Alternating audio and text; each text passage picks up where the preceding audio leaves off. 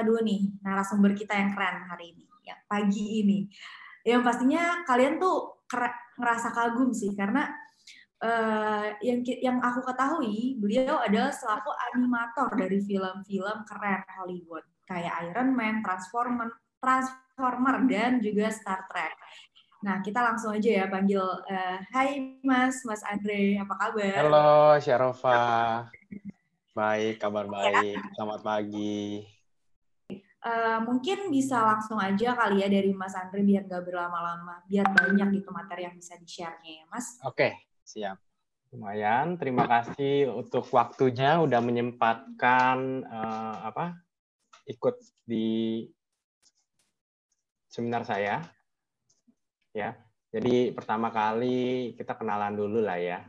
Jadi tahu lebih dalam gimana. Uh, karena orang taunya saya dulu ngejain apa itu tadi seperti Syarofa bilang ya Iron Man, Transformers, tapi selain itu saya juga ngerjain game dan studio saya ngerjain game. Jadi di sini sebelum mulai saya juga akan membahas tentang industri game yang mana uh, tadi saya dengar bocorannya kalau yang ikut itu banyak anak kuliah yang mana menurut saya biasanya yang ikut begini ya ada uh, sedikit banyak ya suka main game ya either suka main game suka nonton film kartun ya atau ya fact heavy atau suka menggambar anime. Biasanya yang ikut seminar saya.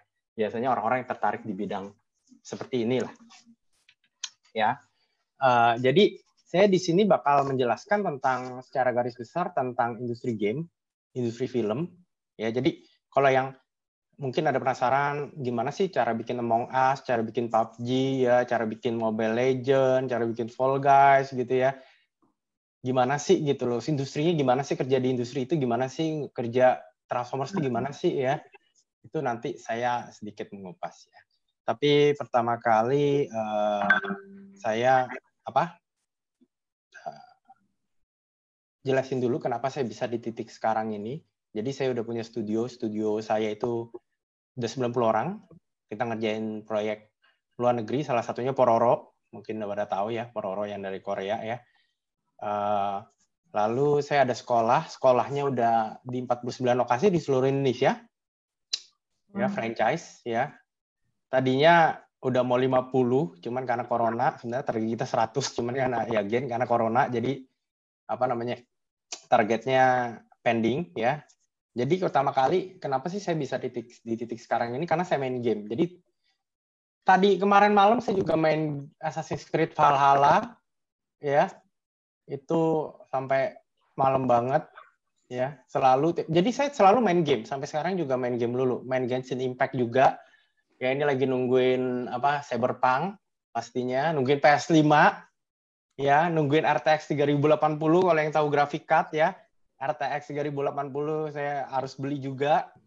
Ya ini lagi barangnya lagi susah. Nah dulu pertama kali itu saya eh, gara-gara main game yang namanya Colin McRae Rally 2 ya dulu ada nge-mod game, anak-anak pada tahu lah. Kalau anak-anak kuliah yang main game, terutama itu tahu modding game, jadi gamenya dimodifikasi gitu. Ya, kalau misalnya GTA ada ojek online-nya, ada ada Indomaret-nya, misalnya begitu ya. Jadi uh, dulu saya ganti bumper, ganti peleknya gitu ya dari software, nggak sengaja ketemu software namanya 3ds Max. Akhirnya saya kecanduan belajar 3D dibandingin main gamenya. Ya, itulah yang membuat saya bisa di titik sekarang ini ya. Jadi gara-gara main game. Ya, jadi anak-anak yang sekarang mungkin gamer banget, suka main game, ya, mungkin merasa wah e-sport terlalu sulit ya, itu kan atlet ya, terlalu banyak sekali saingannya gitu ya.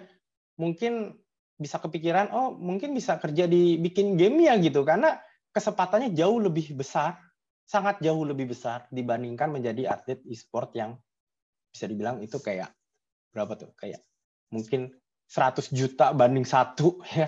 Seperti just no limit misalnya gitu ya. Itu sangat sama sekali tidak mudah gitu ya. Kalau bikin eh, apa mempunyai keahlian 3D kerja di industri game itu banyak banget ya. Nanti saya jelasin berapa banyak yang kerja. Jadi peluangnya sangat besar untuk yang benar-benar eh, apa tertarik ya di bidang ini gitu ya atau ingin tahu ya. Oke Selanjutnya waktu tadi saya bilang saya bikin 3D itu uh, saya bikin banyak gambar ya. Jadi kayak still image yang akan saya show di sini. SMA 3 itu saya melahirkan gambar ini ya. Uh, ini namanya Somewhere in the Sky. Ya ini tahun 2005 15 tahun yang lalu. Uh, mohon diingat ya gambar ini saya apa saya buat ini waktu SMA 3 kuliah semester 1 dan gambar ini yang membuat saya masuk Lucasfilm. Jadi maksudnya adalah kalau industri lain, misalnya IT gitu ya, pilot atau dokter itu IP-nya yang dilihat mungkin ya eh, pengacara gitu ya angkanya. Kalau di industri art ini seni ini yang dilihat. Jadi IP-nya 4 pun 4 4 4 perfect gitu ya A plus plus plus 100 terus ya. Tapi gambarnya jelek, nggak sesuai, nggak akan diterima. Tapi kebalikannya, misalnya IP-nya satu satu satu gitu ya, dapatnya D minus D minus D minus ya, dapatnya 40 4 4 4 tapi ya gambarnya bagus diterima. Jadi ini modal dasarnya kalau industri bikin game ya. Kalau kita ngomongnya uh, bukan di programmingnya ya, di artnya ya. Jadi uh, ini yang paling penting. Ingat ya, ini saya dari kertas nol ya, kertas kosong ya. Jadi saya bukan ngambil karya orang lain, saya ambil gitu, saya pakai karbon, saya buat ulang gitu seakan-akan enggak. Jadi ini dari kertas kosong ya, saya buat dan ini gambar saya yang ke-70 ya. Dulu kalau masih ingat grafik grafik itu masih PlayStation 2 zaman 2005. Jadi ya, makanya kenapa saya bisa dapat eh, kerjaan di uh, Lucasfilm ya. Uh, again ini gambar saya ke-70. Selain itu saya juga buat-buat seperti ini ya. Tahun 2005 juga. Ya waktu SMA saya buat ini ya. Ini juga ini juga 2006. Ini bahkan 2002 waktu masih SMA 1. Ya jadi saya belajar tuh dari muda banget ya jadi uh, karena sekali lagi ya dulu waktu main game ternyata kenal software 3D-nya malah kecanduan 3D ini gitu loh. Kecanduan benar-benar kayak main game. Karena ini seperti main game ya buat buat dunianya, buat environment-nya gitu ya. Saya suka banget ya. Begini juga. Ya, ini terakhir. Ini gambar saya buat tahun ini karena PSBB saya ada waktu, biasanya ngurusin usaha, tapi karena again karena saya sebenarnya backgroundnya itu art ya, uh, jadi kita itu kalau di industri ini industri fashion ya, jadi ini sebenarnya kalau dijual ini kan suatu dunia ya, kalau ini kan 3D-nya bisa dijual ya, bisa jadi apa kota di dalam suatu game gitu, seakan-akan komplit 3D-nya, teksturnya apa segala macam 3D semuanya ya tapi uh, again saya nggak buat ini karena mendapatkan uang demi uang, enggak. Karena saya memang passion. Bagi saya nih, oh nggak ada game waktu itu gamenya habis karena psbb saya habisin semua game. Mau ngapain nih? Ya udah bikin gambar karena sama kayak main game gitu. Jadi ini uh, apa? Passion saya ya. Jadi ini baru aja selesai tahun ini ya. Journey to Sky namanya ya. Jadi uh, ya sekian untuk yang kira-kira saya sampai SMA 3 ya sampai sekarang ini bikin karya ini. Untuk nextnya jadi uh, habis dari SMA 3 itu saya sempat kuliah di uh, Universitas Tarumanegara cuman nggak selesai. Karena apa? Karena waktu itu saya bilang sama orang tua saya ah mah saya ini nggak suka kuliah. Ini jangan diikutin ya. Lagi kuliah jangan putus. Ya karena saya udah nemu banget jalan saya, saya udah ada hasilnya. Jadi gambar-gambar saya itu dapat dapat penghargaan internasional, ya saya dapat pialanya dari Amerika, saya sempat diundang ke Inggris juga. Terus habis itu dapat Artist of the Month di Korea, di Taiwan dan itu saya dapat SMA semua. Jadi jangan maksudnya, "Ma, suka main game nggak mau kuliah." Misalnya, mau putus kuliah, gara-gara apa? Kenapa mau putus kuliah? Karena mau main game nggak boleh seperti itu ya jangan salah sangka ya kalau nggak punya prestasinya nggak punya apa-apa jangan keluar kuliah ya. Karena saya dengar di sini banyak anak kuliah. Anyway eh, waktu di Untar itu saya bilang ini uang pangkalnya eh, sia-sia loh mah yakin mau biayain. Tapi ya ibu saya bilang ya nggak apa-apa. Yang lain kuliah masa kamu nggak kuliah? Ya udah. Bener aja setahun saya kuliah itu saya ditarik perusahaan Polaris namanya Polaris 3D itu ada di bawah Polaris 3D itu itu perusahaan arsitektural dulu jadi ngerjain proyek-proyek arsitektural pada zaman itu tahun 2003 ya 2002 itu belum banyak studio animasi seperti sekarang ya Jadi dulu arsitektural kayak lihat tahu kan kalau di mall itu apa dikasih brosur-brosur properti itu kan gambarnya belum jadi kan sebenarnya. Rumahnya belum jadi tapi ada contohnya. Itu kan 3D, gambar 3D ya kan. Jadi 3D itu emang nggak cuma game, nggak cuma film. Ada 15 industri, salah satunya arsitektural. Ya, ada iklan, ada TV seri, apa banyak. Ya. Lalu dulu saya ngerjain proyek Granny TC. Mungkin kalau yang di Jakarta tahu ya, Granny TC, Arta Gading, saya ngerjain uh, Gandaria City, tahu Gancit ya? Itu dulu saya ngerjain proyek-proyek arsitekturalnya.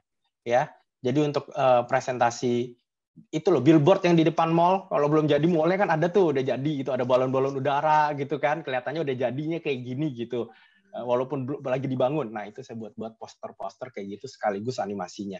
Ya bikin iklan juga waktu itu ya. Iklan beberapa agak banyak lah. Tapi 20% ngerjain iklan ada.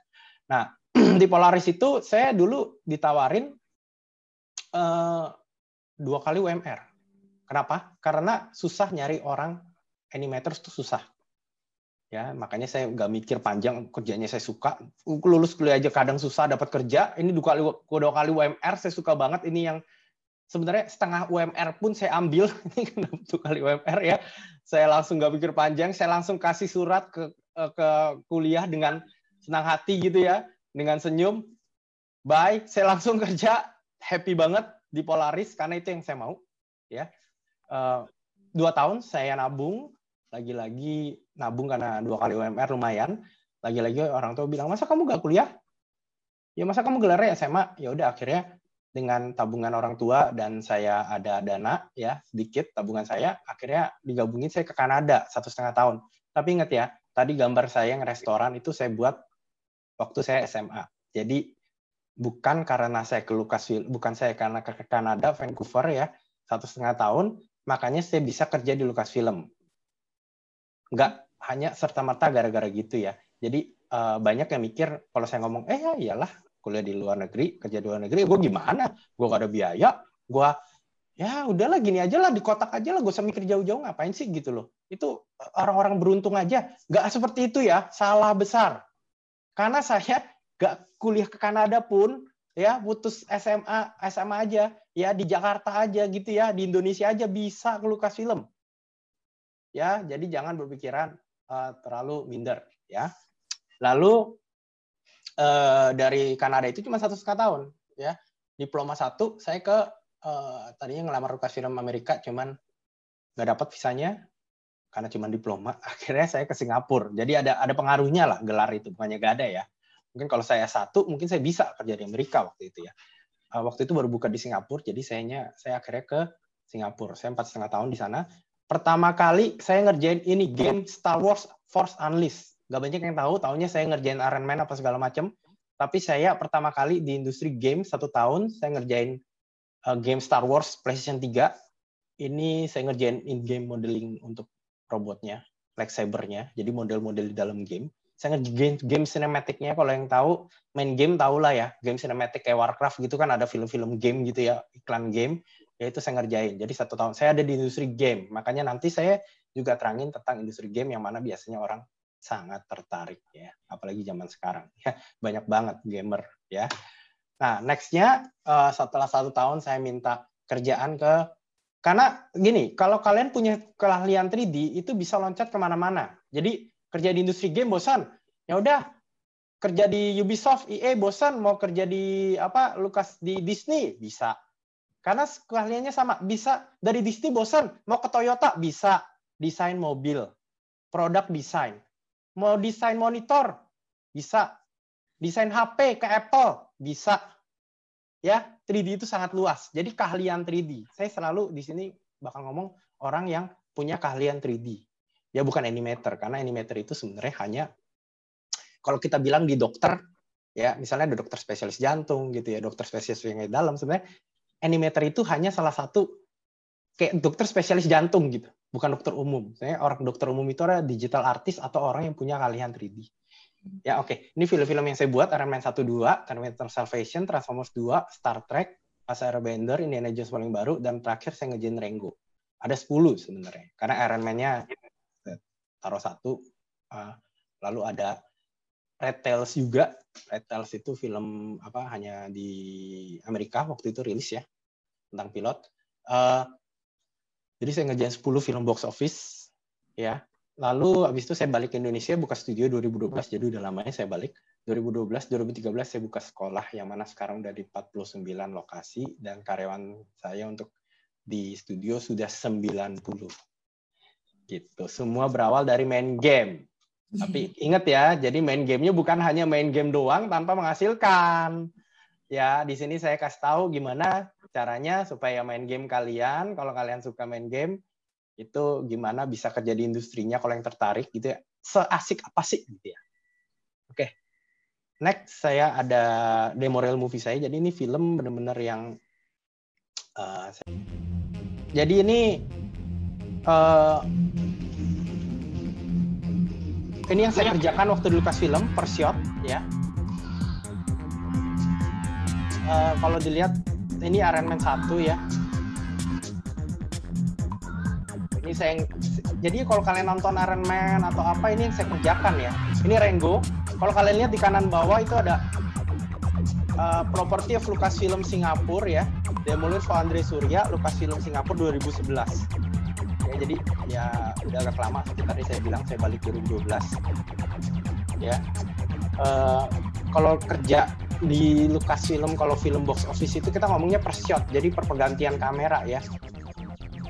Jadi ini shot yang saya ikut buat ya. Sebenarnya ada 10 menit ada Terminator Star Trek apa cuman saya cut aja di 2 menit ya. Karena kalau nggak kelamaan lumayan banyak yang saya buat waktu itu ya Lalu saya bilang tadi saya bikin game ya, apa film game ya. Uh, ini 2007, udah agak lama. Waktu itu untuk E3, E3 itu event terbesar game tahunan di dunia di Amerika, Electronic Entertainment Expo. Ini uh, game cinematic, ya, game cinematic, uh, game Star Wars ya dulu saya ngerjain ini timnya 10 orang saya ngerjain environmentnya. Ya sekitar 60 persen 70 persen ya. Jadi uh, ya. Game saya di industri game juga nggak hanya di film-film ya.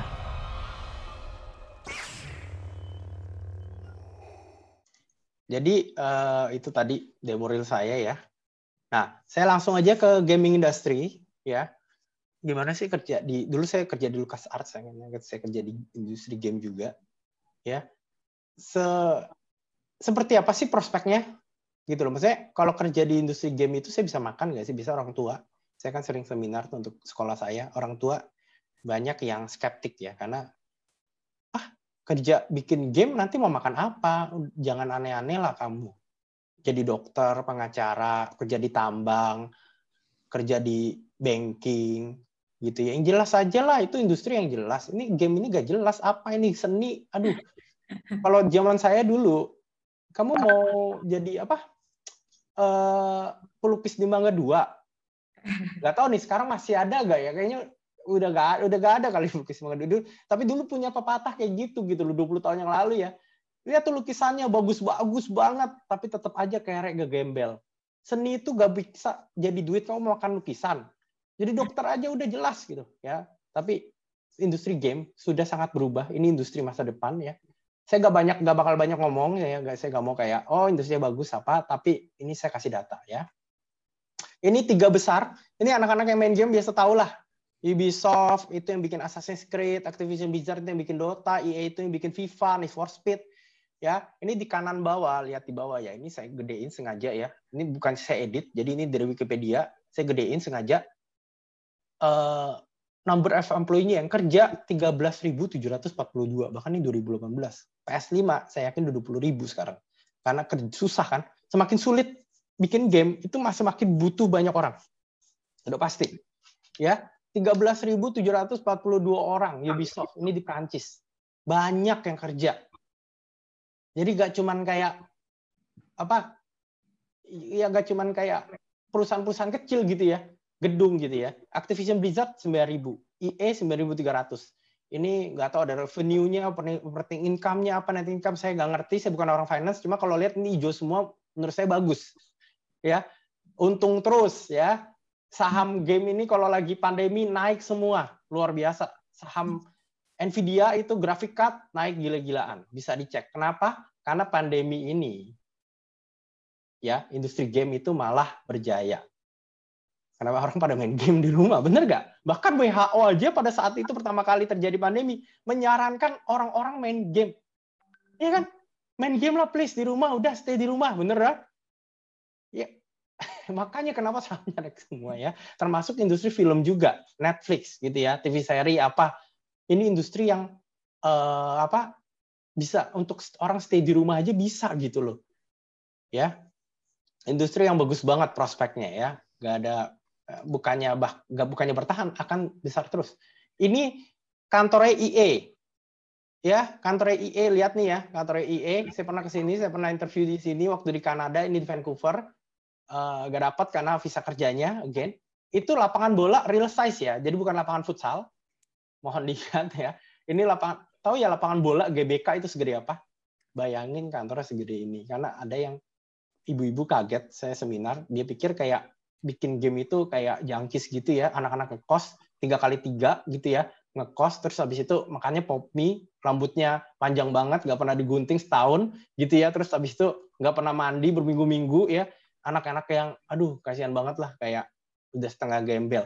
Pas saya kasih lihat ini kaget, oh ternyata industri game itu besar ya, maksudnya bonafit, nggak nggak nggak kecil gitu, nggak yang apa industrinya tuh industri raksasa seperti industri bank gitu. Gak main-main, gak bisa diremehkan industri game ini ya. Jadi saya pernah ke sini, gede banget. Ini Ronaldo Messi datang ke sini ya. Kalau misalnya motion capture, asik banget ya kalau kalian yang ngefans sama Ronaldo Messi ya. Bisa, kalau PD bisa minta minta foto waktu mereka motion capture di tengah lapangan itu ya. Kan untuk poster motion capture kan harus untuk gamenya ya. Di kiri bawah kita lihat ya gaming room. Bayangin, karena kerja di industri game, gaming roomnya membuat kalian betah. Jadi niat dibuat gaming room. Bayangin kalau ibu kalian, ya orang tua kalian, mungkin kalian sekarang suka main game, dibuatin gaming roomnya. Iya biar kamu main game terus biar betah. Nih mama dekor ratusan juta biar keren. Submarine di bawah kapal selam di kiri bawah gaming roomnya. Gak mungkin. Mana mungkin ya. Ada juga kamu main game lulu gitu ya. Karena di industri game diharuskan main game. Kalau kalian sekarang main game terus diomelin. Kalau di kerja di industri game, lo kok belum main game? Kok belum dicoba gamenya gimana?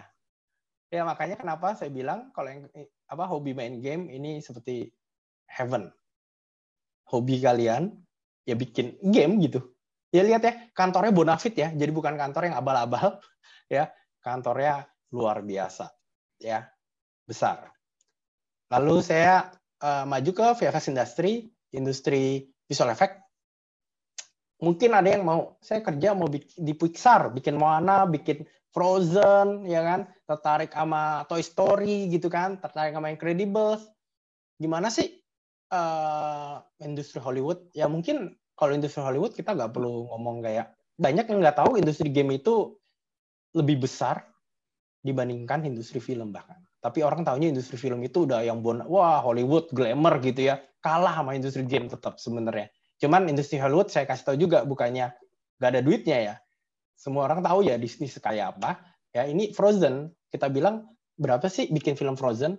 Production budget lihat ya 150 juta dolar. Itu jadi orang mikir oh Frozen itu 10 m 20 m enggak. Frozen itu 2000 miliar rupiah. Kenapa begitu? Kenapa kayak ah 2000 miliar? Kenapa? Karena yang kerja banyak gajinya tinggi-tinggi. Nggak mungkin kan satu orang kerjain digaji 2 triliun. 2000 kan nggak mungkin. Karena yang kerja banyak, ya, waktu yang lama, terus habis itu digajinya tinggi, makanya habis 2000 miliar. Untungnya berapa sih kalau kita lihat di sini worldwide 1,2 billion dollar itu jadi uh, ya bikin tiga tahun ya 2 triliun dapat 14 triliun. Makanya kenapa Disney kaya banget ya. Kayak pandemi ini saya juga punya teman saya masih kerja di Disney, si Roni Gani namanya animator. Uh, lancar banget. Walaupun film bioskop ditahan, ya, walaupun Disneyland-nya tutup, tetap aja tabungan mereka unlimited. No worries, gaji jalan terus, bonus ada terus ya. Karena tabungannya udah besar banget Disney, ya, duitnya banyak, ya. Nah ini uh, Disney Pixar Office ya. Asik banget kiri bawah kalau masuk ke Disneyland saya kalau kerja itu pakai celana pendek sendal jepit santai. Kanan bawah lihat tuh lobbynya ada si Toy Story ada Monster Inc. Jadi kayak kita kayak playing. Working is playing ya. Gak jadi gak pakai kemeja gak pakai gak rapi-rapi amat lah. Kita santai gak terlalu serius ya. Uh, kayak main game gitu pergi kerjanya ya. Nah ini saya ada bil ada uh, making of Avengers Endgame ya. Ini bagus banget ya. Uh, jadi orang-orang banyak yang nggak tahu ya kira-kira kalau nonton Avengers itu pada nonton saya udah saya asumsikan pada nonton Endgame ya karena ngantrinya gila banget. Uh, orang banyak yang nggak tahu kayak ini yang komputer yang mana sih gitu ya? Ini yang mana sih yang apa uh, real? Mana yang 3D mana yang palsu gitu ya. Banyak nggak tahu gitu ya. Ini ada sedikit cepat ya video. Kalau Avengers Endgame tidak disentuh oleh orang yang punya keahlian 3D. Apa yang terjadi ya? Ini kita ngomongin green screen kalau ada yang tahu ya. Nah, kayak gini. Bayangin Spider-Man-nya aja nggak kelihatan ya. Nah, background-nya itu semua orang 3D semua orang yang punya skill 3D semua yang bikin. Nah kayak gitu. Pegasusnya cuman apa? Motor-motoran gak jelas ya. Orang 3D bikin uh, seperti sulap. Saya bilang ini juga cuman di gudang pura-pura doang teriaknya gitu ya. Mau nyerangnya pura-pura. Padahal komputer. Eh, padahal orang-orang 3D semua yang buat. Ya, nggak ada pertarungan. Ini gak di luar ya. Semuanya di shot di gudang warna hijau. Kita bilangnya green screen untuk King ya. Ini full orang 3D semua yang buat. Ya. Thanos itu full orang 3D yang buat ya.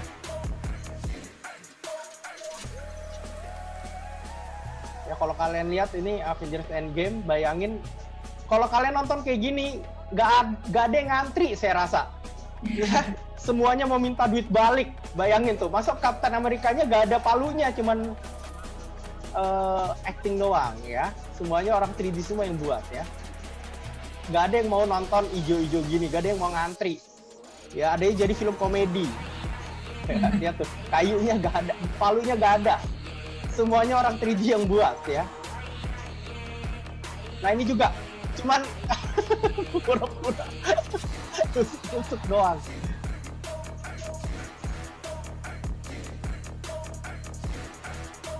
Ini mataharinya lampu, mataharinya di replace oleh orang-orang 3D, orang yang punya kemahlian 3D sekali lagi ya. Jadi kalau kalian punya keahlian 3D bisa membuat sesuatu yang tak mungkin menjadi mungkin. Ya. Nextnya saya mau kasih tahu tentang dulu ada uh, apa banyak berita ada berita waktu Avengers Infinity War ada berita kalau ada dua orang Indonesia terlibat pada Avengers Infinity War. Uh, saya nggak percaya, ya, cuman dua orang. Ya, waktu itu saya lihat di Facebook ada di post kebetulan. Kalau kalian nonton Avengers Infinity War itu kan apa kreditnya lama tuh, ya panjang gitu. Saya liatin satu-satu dua jam, ya lama banget karena banyak banget. Saya liatin orang Indonesia ada berapa sih? Karena saya nggak percaya berita cuma dua orang terlibat Avengers Infinity War. Ya banyak ternyata. Nih, saya akhirnya kasih lihat kalian. Ini digital domain di atas visual effect dan animationnya. Jadi studio animasi itu dikasih ke banyak studio animasi kalau film-film besar karena yang ngerjain Avengers Infinity War itu seribu orang anyway. Jadi banyak. Jadi jangan mikir itu satu orang bikin visual effect itu jadinya seri, mungkin seri, seribu tahun kali ya. Karena seribu orang nggak jadi-jadi. ya Butuh banyak orang supaya cepat keluarnya Avengers 1, 2, 3 supaya nggak nunggu lama-lama. Makanya butuh banyak orang ya. Nah, digital domain ini Inggris ada yang namanya Aldi Purnama di kiri atas. Saya nggak kenal, saya nggak tahu, tapi ini saya yakin orang Indonesia, benar ya? Ya, banyak. Ya, lalu kanan bawah ada Gani ini yang masuk berita, lalu ada Nadi Gunawan tiga. Katanya berita cuma dua. Ya, lalu ada lagi Peta Digital New Zealand Indah Mareta. Ini orang Indonesia apa bukan? Apa orang Malaysia, apa orang Bali ya, saya nggak tahu. Tapi saya cek ternyata bener orang Indonesia udah ngerjain 40 film. Bisa dicek di MDB, luar biasa, 15 Udah 15 tahun kerja. Peta Digital di New Zealand. Lalu ada bawah Jeffrey Haryono. Ini udah pasti orang Indonesia, ya kan? Lima orang. Berita katanya cuma dua orang. Lalu ada lagi Yosa Prayogo. Ya, again ini kreditnya Infinity Wars ya. Yosa Prayogo. Udah pasti orang Indonesia, bener nggak? Yeah. Lola VFX. Australia. Jason Mulyadi. Ya, ada tujuh. Ada tujuh orang banyak. Jadi saya mau menekankan, banyak yang mikir, ah saya ngomong terlalu kayak apa? Wah itu jauh lah ke sana gitu. Ya bikin 3D apa, sus, udah gak usah mikirin gitulah. Maksudnya gue gini-gini aja gitu, hidupnya gini-gini aja di lokal di sini aja, gak berkembang gitu. Udahlah, gak sini-sini aja lah, jangan goyangin perahunya gitu. Itu susah banget lah, udah mimpi aja itu terlalu tinggi. Ini saya buktikan ya banyak. Saya kenal sebenarnya dari 100, di industri game ada 1000 orang. Jadi saya itu nothing spesial, banyak banget ya. Tapi yang emang kalau yang balik itu mungkin yang saya tahu cuma saya karena semuanya pada gak mau balik, udah suka di sana, udah menghilang. Mungkin ini gak terkenal karena mereka itu hidupnya udah happy banget di sana ya, gak sharing ya, udah kayak sangat puas banget. Biasa orang-orang kayak gini yang udah kerja di sana, hobi gitu ya, udah hidupnya tuh fulfilling banget. Jadi mereka tuh gak terlalu suka exposure gitu, gak suka diganggu gitu ya. Udah kayak, udah gue udah udah puas banget gitu. Ya kebetulan saya balik ke Indonesia, buka studio dan sekolah. Ya, uh, itu kenapa banyak yang nanya. Ya, ini Esda, ya Esda itu uh, saya mau sedikit cerita tentang Esda. Jadi Esda itu di apa? Dibuat dari pengalaman saya sendiri. Ya, saya berharap banyak yang seperti saya dan lebih daripada saya. Karena saya dulu kerja hanya empat setengah tahun, ya saya berharap ada yang bisa jadi supervisor. Saya dulu masih senior, ya apa jabatannya itu kan ada ya. Jadi kayak ada junior, senior, ada uh, middle, ada lead, ya ada supervisor, ada visual effect supervisor. Itu visual effect supervisor itu yang angkat piala waktu Oscar award winning Oscar. Saya berharap anak SD karena SD ini mulai paling banyak itu eh, anak-anak uh, SMA dan kuliah emang uh, murid kita tapi banyak juga sekitar 20-30 persen itu anak umur 7 tahun.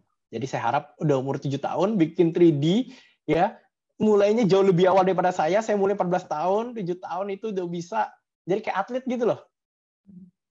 Ya kan dari kecil udah dilatih ya karena saya duduk waktu ngejain Ironman itu umur 21 saya berharap umur 17 udah siap kerja misalnya umur standar dunia 17 tahun udah bisa ngerjain nanti Black Panther 2 gitu. Saya harap. Ya, sudah ngerjakan Avatar 3 gitu.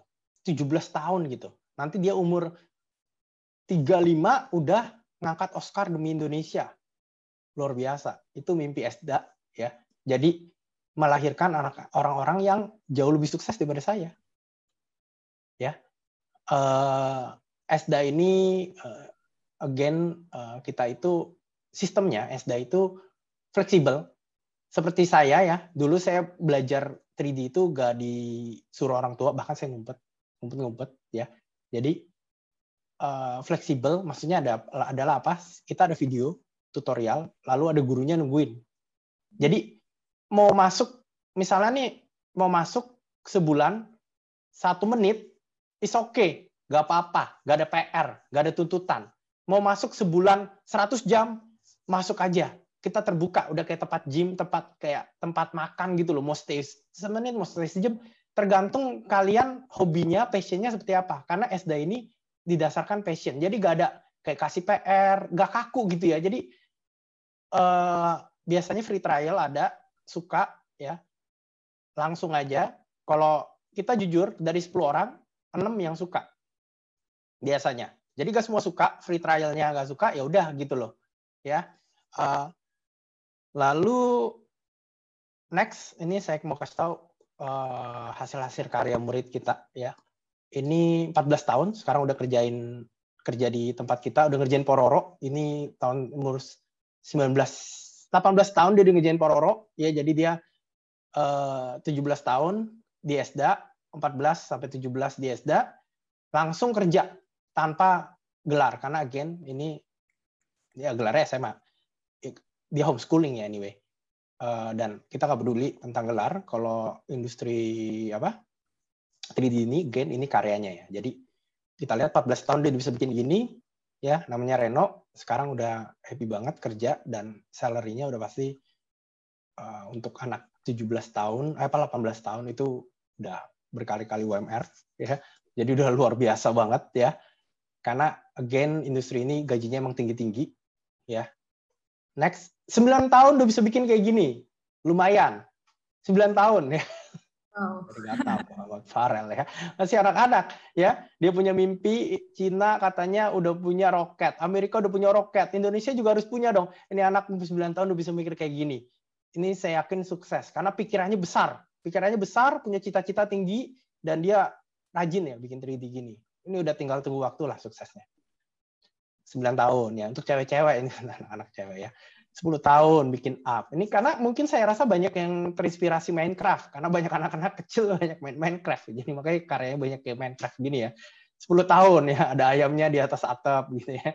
Lucu banget ya. Ini terinspirasi Thomas and Friend mungkin ya. Karena anak-anak kan suka nonton tuh Thomas and Friend yang apa? Eh, kereta-kereta ya.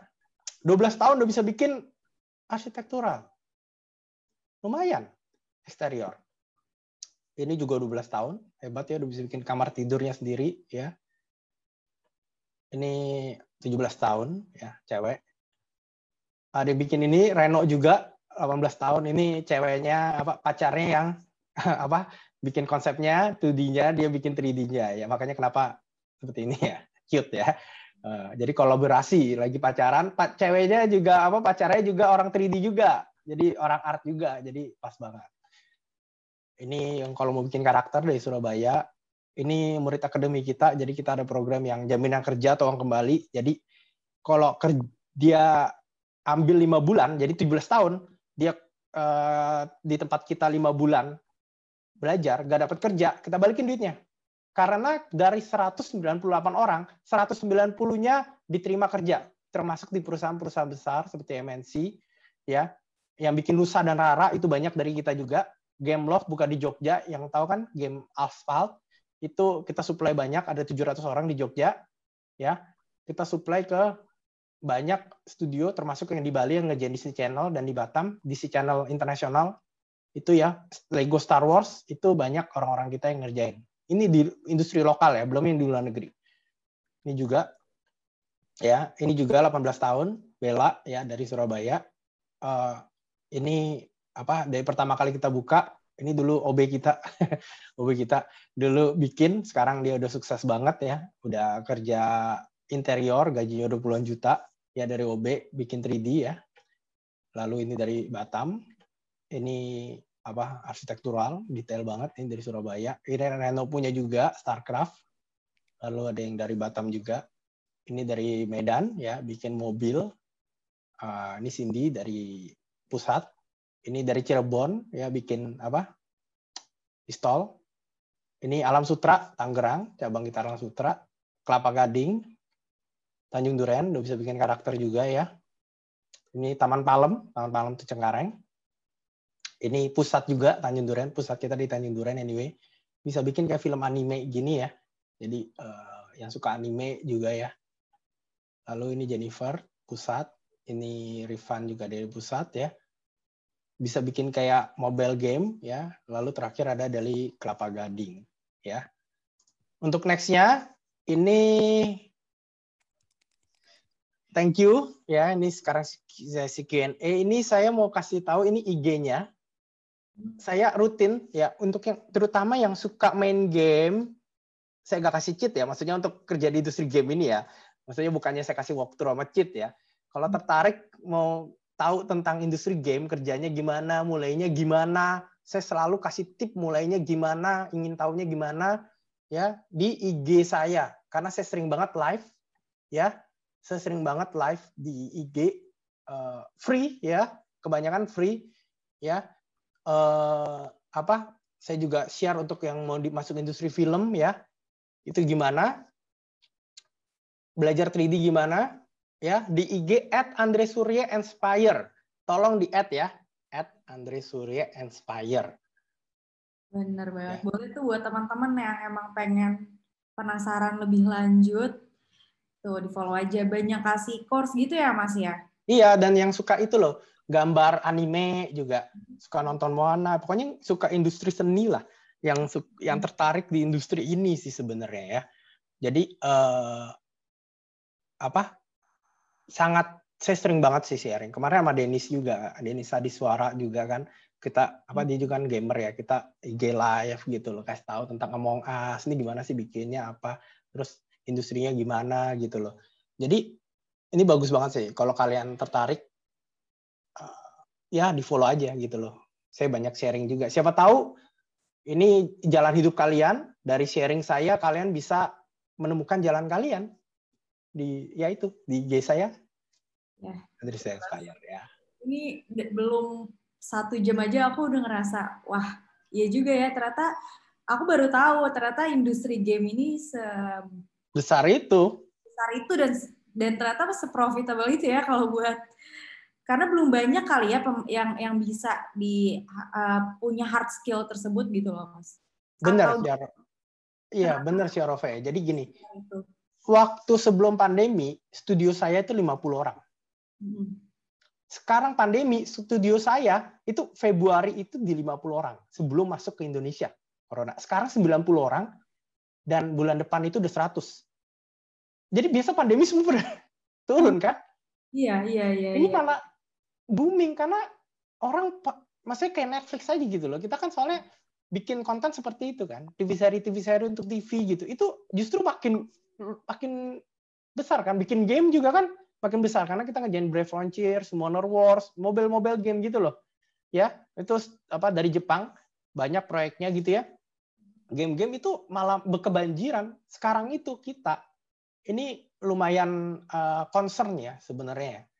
Uh, di pemerintahan itu jadi kalau orang belajar 3D sekarang itu saat yang sangat tepat. Kenapa? Karena kita sendiri sekarang anak-anak di yang kerja itu kita naikin semua gajinya. Kenapa? Karena ternyata perusahaan luar negeri ya itu banyak banget. Jadi yang di Bali itu ada 500 orang, 500 animator dibeli perusahaan Eropa dari Irlandia ya TV seri dibeli gajinya gaji US, US dollar kerja di Bali. IFW Infinite Frameworks di Batam ngerjain Disney Channel 400 300 400 orang ya itu gajinya 45 juta gak cuma satu dua orang banyak jadi animator. Ya di terus habis itu uh, Nusa dan Rara itu ngerjain juga kan MNC juga ada MNC Entong ya. Lalu ada MD Entertainment Adi Sapo Jarwo ya. Banyak apa berjamuran studio animasi yang mana gajinya itu udah gak bisa standar UMR lagi. Karena udah mulai masuk perusahaan-perusahaan Korea perusahaan Eropa ya. Bahkan yang ada One Animation buka di apa Jakarta Selatan Fatmawati situ ya Hmm. itu dari Inggris, langsung dari Inggris, pound sterling. Jadi kita nih sekarang harus naikin gaji terus. Oh. Ya, jadi ini sesuatu yang kalau kalian masuk ke industri ini, tetap saatnya ya ini sekarang ini gitu. Yeah. Iya. Gila gitu loh. Kita juga pusing juga ya. Terus nyari orangnya susah. Ya, yeah. karena nyari orangnya susah, makanya kita harus salary harus tinggi kayak hukum ekonomi gitu loh. Pada tarik-tarikan, sekarang diperbutkan animator. Mereka hmm. kayak ah segini doang ya udah saya ke Jepang deh, bye. Saya ke Amerika deh karena di Amerika juga sangat diterima kalian seperti ini. Oke, okay, average ya. Average-nya sih di jadi studio kita itu uh, gajinya 20 jutaan ke atas itu banyak dan kita sekarang lagi naikin semua karena lagi dibajak. Average-nya itu di 15 lah. Wow. 15 dan itu dan itu pun dan itu pun kita nggak bisa nahanin karena dibajak perusahaan Korea, banyak banget perusahaan Korea buka di sini. Hmm. Gameloft juga buka kan, perusahaan Prancis di Jogja, 700 orang. Lalu ada, ya itu tadi saya bilang perusahaan Inggris. Hmm. Kalau kita ngomong rupiah maupun sterling kan jauh sekali ya. Hmm. Jadi di Batam aja itu perusahaan Indonesia ngerjain proyek Eropa ya itu 45 juta gitu loh. Itu gak cuma satu dua gitu. Ada banyak. Gajinya itu ya bisa dibilang ya yes. Dan soalnya di luar negeri ya itu UM bahkan bisa dicek di Google ya gaji animator itu kalau UMR di Amerika itu sekitar 50 juta. Wow. Oke, jadi teller di bank, gitu ya, admin di bank, itu yang paling common lah kita ngomong ya. Kalau habis lulus kuliah, emang di bank. Tapi kalau di animator, pertama kali itu 100 juta, dua kali UMR. Bayangin, 50 juta aja masih bisa save kalau kerja di luar ya. Bisa bisa save 60 juta untuk dibawa pulang, bayangin. Save 60 juta bersih kalau kerja di Amerika. Bahkan ya kalau dulu uh, modeling supervisor saya untuk game itu naik Ferrari pakai pesawat first class ya rumahnya di Beverly Hills Beverly Hills itu kayak Sudirmannya Indonesia Jakarta gitu ya gila makanya saya bilang bahwa banyak yang tahu karena sedikit gitu yang bisa 3D gitu makanya di sini saya ingin memberitahukan ini ada emas di sini gitu loh kalau kalian hobi main game terutama nonton, suka nonton film kartun why not gitu coba nah boleh tuh teman-teman Mm-mm. Oke, mungkin langsung ke question selanjutnya nih, Mas. Um, tadi ada dari Bernie Toyaser Geraldo. Sebenarnya sebagai kreator atau artis pastinya diperlukan kreativitas yang tinggi. Yang ingin ditanyakan adalah hal-hal seperti apa yang Mas Andre Surya lakukan saat kreativitas lagi buntu, pas lagi cari ilham. Tadi juga ada yang nanya sih gimana sih supaya mikirin inspirasinya datangnya dari mana sih gitu. Karena okay gambarnya uh, emang out of the box banget gitu loh. Ya, karya saya emang bisa dibilang nggak seperti biasanya ya. Maksudnya biasa orang bikin mobil, bikin karakter, atau bikin fan art. Paling banyak bikin Spider-Man, bikin Iron Man gitu kan. Itu paling common lah. Karena karya saya itu adalah sebenarnya bahkan saya pernah lihat karya saya dibuat ulang oleh orang gitu. Hmm. Jadi saya buat nih, terus di forum dia buat, oh ini by Andre Surya, dia buat ulang gitu orang India waktu itu. Oh. Jadi kayak emang suka karya saya dia buat ulang ternyata uh, ya apa setengah mirip lah gitu kan. Jadi uh, karena emang karya saya original ya maksudnya bener sekali lagi itu uh, inspirasinya dari mana? Banyak banyakin main game. Karena kalau dari main game dulu saya zaman saya kalau sekarang kan anak-anak PUBG Fortnite gitu ya maksudnya uh, Among Us gitu ya. Terus habis itu Fall Guys lah kemarin. Terus habis itu ada Mobile Legend ya kan. Itu uh, apa Dota gitu ya. Dota mungkin udah agak lama. Kalau anaknya zaman sekarang kan itu ya. Kalau saya itu dulu zamannya saya itu yang lagi booming. Karena saya umurnya kan udah bukan generasi Z lagi ya. Itu zaman saya dulu yang booming Final Fantasy. Sekarang Final Fantasy udah nggak seperti dulu lagi. Dulu wah luar biasa terkenal sekali Final Fantasy itu. Dulu zaman saya udah kayak udah kayak PUBG udah kayak Among Us-nya sekarang lah ya. Makanya kenapa karya saya seperti itu ya inspirasinya dari main game gitu ya. Jadi kalau kalian ya inspirasinya dari game-game sekarang diimprove aja gitu. Karena yang tren kan sekarang gitu ya. Iya. Nah, bisa juga berarti teman-teman nih yang sekarang emang sering banget main game, jangan cuma main aja tapi juga dijadiin sesuatu ya, Mas ya. Iya, ya. menjadikan uh, suatu seninya itu dijadikan inspirasi gitu loh untuk membuat karyanya gitu loh. Yang mana itu yang lagi tren juga anyway gitu loh. Iya. Nah, ini juga kalau tadi ngomongin, oke, okay, gimana kalau orang-orang emang baru mulai gitu loh, Mas? Ini ada Mbak Dwi Wulandari, uh, nanyain berapa sih uh, rate biaya edukasi ESDA? Mungkin kalau Mas bersedia untuk dikasih tahu. Uh, terus Mbak ini berumur 38 tahun dan nggak punya basic gambar atau programming, apakah bisa tetap bisa jadi 3D animator? Atau enggak mungkin teman-teman yang di luar sana yang masih pemula banget nih mas masih nggak tahu gimana 3D anime 3, uh, desain 3D itu apakah sesulit itu kah atau gimana mas? Untuk oke okay. ini pertanyaan bagus sih. Jadi banyak yang hmm. nanya oh saya nggak bisa 3D gimana? Justru kenapa kita mulai dari tujuh tahun? Itu ada alasannya. Karena kita jadi gini banyak orang yang belajar Blender. Blender gitu ya. Uh, kita sebenarnya lebih lebih suka jadi kayak orang ngomong kayak belajar seni bela diri gitu ya kan punya teknik gitu ya. Uh, kita maunya sebisa mungkin kita cari yang dari nol. Kenapa? Karena lebih mudah di shape. Jadi nggak ngerti apa apa adalah yang terbaik. Itu yang kita cari. Justru kok bisa jangan ngerti. Karena kalau dia bisa blender apa nanti udah suka software itu lebih apa belajar software ini agak berat gitu. Jadi agak berbenturan. Itu yang bikin masalah kalau udah ngerti 3D ya. Karena kita pakai Autodesk 3ds Max dan Autodesk Maya yang mana dipakai industri film Hollywood dan industri game internasional standard. Gitu. Jadi langsung kerjaan industri ready. Kalau Blender kan emang dia free apa open source ya. Jadi free gitu ya. Untuk hobi gitu ya kebanyakan. Nah, uh, itu nomor satu. Jadi kita butuhnya orang nggak ngerti apa-apa. Kalau bisa jangan ngerti intinya dari nol. Bisa gambar. Saya sendiri nggak bisa gambar. Banyak yang kaget. ya saya sendiri nggak bisa gambar. Ya kakak saya orang finance gitu ya, kerja di finance gambarnya lebih bagus daripada saya. 3D itu spesialisasinya banyak ya. Jadi no worries ya. Misalnya bisa gambar, jadi animator. Animator itu menggerakkan karakter. Jadi dia punya karakter digerakkan doang, bisa. Nggak harus bisa gambar, karena hanya menggerakkan. Jadi no worries kalau nggak punya kalian bisa gambar, bisa di 3D karena ada 15 spesialisasi. Ya spesialisasinya banyak. Dan yang kerja banyak seribu orang. Makanya spesialisasinya banyak. Ya jadi perlu. Kalau umur tergantung ibu gimana. Maksudnya 3D ini again banyak kan freelance. Kita bisa bikin jadi bikin modelingnya itu di rumah ya. Nanti dijual di turbosquid.com itu 3D 3D modelnya itu dijual itu US dollar ya Amerika jadi internasional itu banyak yang orang-orang 3D yang mungkin udah agak apa berumur ya itu seperti itu. Jadi dapat ratusan juta hanya dari jual model 3D. Jadi kita bikin mobilnya, misalnya bikin misalnya bikin apa namanya pesawat untuk ditaruh di dalam game atau arsitektural misalnya ya, bikin pohon atau bikin bangku, desain bangku dibikin ditaruh untuk interior design atau cafe design ya, itu dibeli modelnya. Jadi model 3D itu enggak seperti gambar tangan ya. 3D itu kita samakan dengan sculpting. Jadi orang sculpting gitu loh. Bikin patung tau kan patung lilin hmm. itu jauh lebih dekat sculpting dibandingin gambar. Hmm. Makanya kenapa 3D itu bisa diputar kan? Yeah, yeah. Dan itu bisa dijual. Jadi nggak harus kerja. Hmm.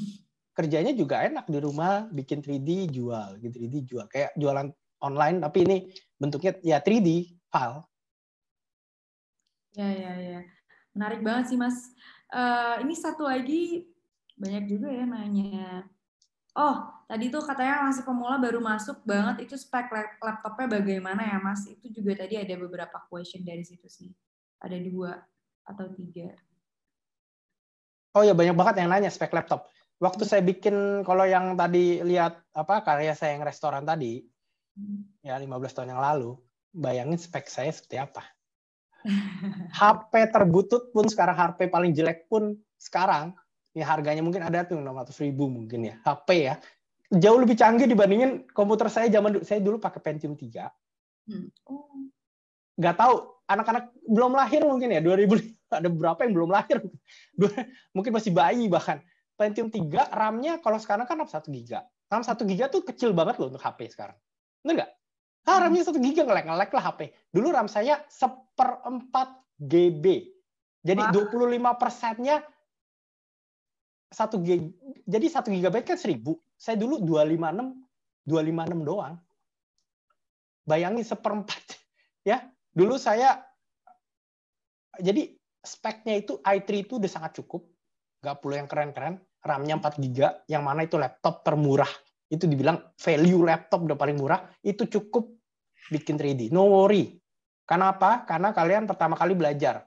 Saya selalu menyarankan jangan keluar duit dulu kalau nggak tahu hasilnya. Jangan terlalu excited, wah gajinya gede, ini saya suka main game, beli yang mahal-mahal. Jangan. Beli yang murah dulu, pelajari kalian suka apa enggak. Kalau suka ada hasilnya, belilah yang mahal. Yeah. Jadi apa-apa tuh pelan-pelan, jangan terlalu kayak, wah ini dia, udahlah dengar banyak yang kayak gitu, dengar seminar saya terus langsung begitu saya bilang jangan, jangan hmm. buang-buang duit dulu. Makanya Esda juga kalau saya bilang masuk ke level saya kan ada tuh promo. Kalau hmm. ini kan saya bukan orang marketing ya. Kalau orang marketing bilang, iya bu ini aja 3 plus 1, 10 juta dapat satu level gratis. Kalau saya selalu sarankan, walaupun itu menguntungkan buat saya ya, tapi saya selalu menyarankan satu level aja bu, coba dulu. Kalau jadi nggak usah terlalu mahal. Kalau suka nambah lagi, karena dia tahu suka apa enggak ya. Iya. Oke. Okay. Mungkin ini sesi kita sudah habis nih Mas. Uh, sayang banget. Padahal teman-teman justru makin antusias nih kayaknya bertanya. Makin banyak ya Q&A-nya. terjawab, bisa langsung aja follow Instagramnya Mas Andre, Andre Surya Inspire ya. Ya, at Andre Surya Inspire. Ya, atau juga buat teman-teman juga tadi banyak banget yang nanya berapa sih harganya SDA, gimana sih uh, program belajarnya? Itu bisa langsung juga uh, mungkin, follow, mungkin. Oh, bisa follow di SDA, ESDA underscore ID.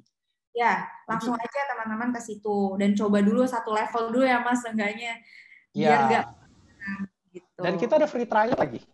Nah, ada free bisa bayar. ah ya, SDA at SDA underscore ID ada di chat tuh. Ya, ya itu, itu bisa di follow. Bisa ikut free trial ya dulu. Iya. Hmm, aku sangat terinspirasi juga sih dari topik ini karena aku salah satu orang yang emang juga suka main uh, game atau suka gambar. Nah, justru aku mengunderestimate pacarku yang suka main game terus. Kamu game terus sih gitu. Tapi ya, maksudnya kalau dia main game tapi gak maksudnya gak memang misalnya dia main game terus dia mau jadi dokter, ya itu gak bagus sih. Maksudnya kan membuang-buang waktu juga ya kan. Iya. atau mau jadi pilot gitu. Atau dia mau jadi pengacara main game itu memang nggak ada gunanya jadinya. Kalau dia mau kerja di sini ya, ya, ya luar ya. biasa gitu. Iya nah dari sini aku justru tercerahkan gitu. Kayaknya aku langsung udah kamu mas eh, ini aja ikut. Uh, gimana nih caranya buat jadi profesional gamer atau apa gitu. Ternyata, bikin gamenya gitu loh ya kan? Iya menarik banget gitu industrinya mas Iya, ternyata prospeknya bagus banget. Hmm, makasih banyak udah sharing teman-teman di sini juga. Uh, ternyata antusiasnya di akhir-akhir. Mungkin kalau uh, lagi kalau yang belum terjawab bisa langsung aja ke Instagramnya Mas Andre Surya atau follow uh, at sda underscore id. Uh, nah mungkin uh, sampai sekian dulu sesi kali ini. Terima kasih nih untuk Mas Andre Surya. Sama-sama, Syarofah.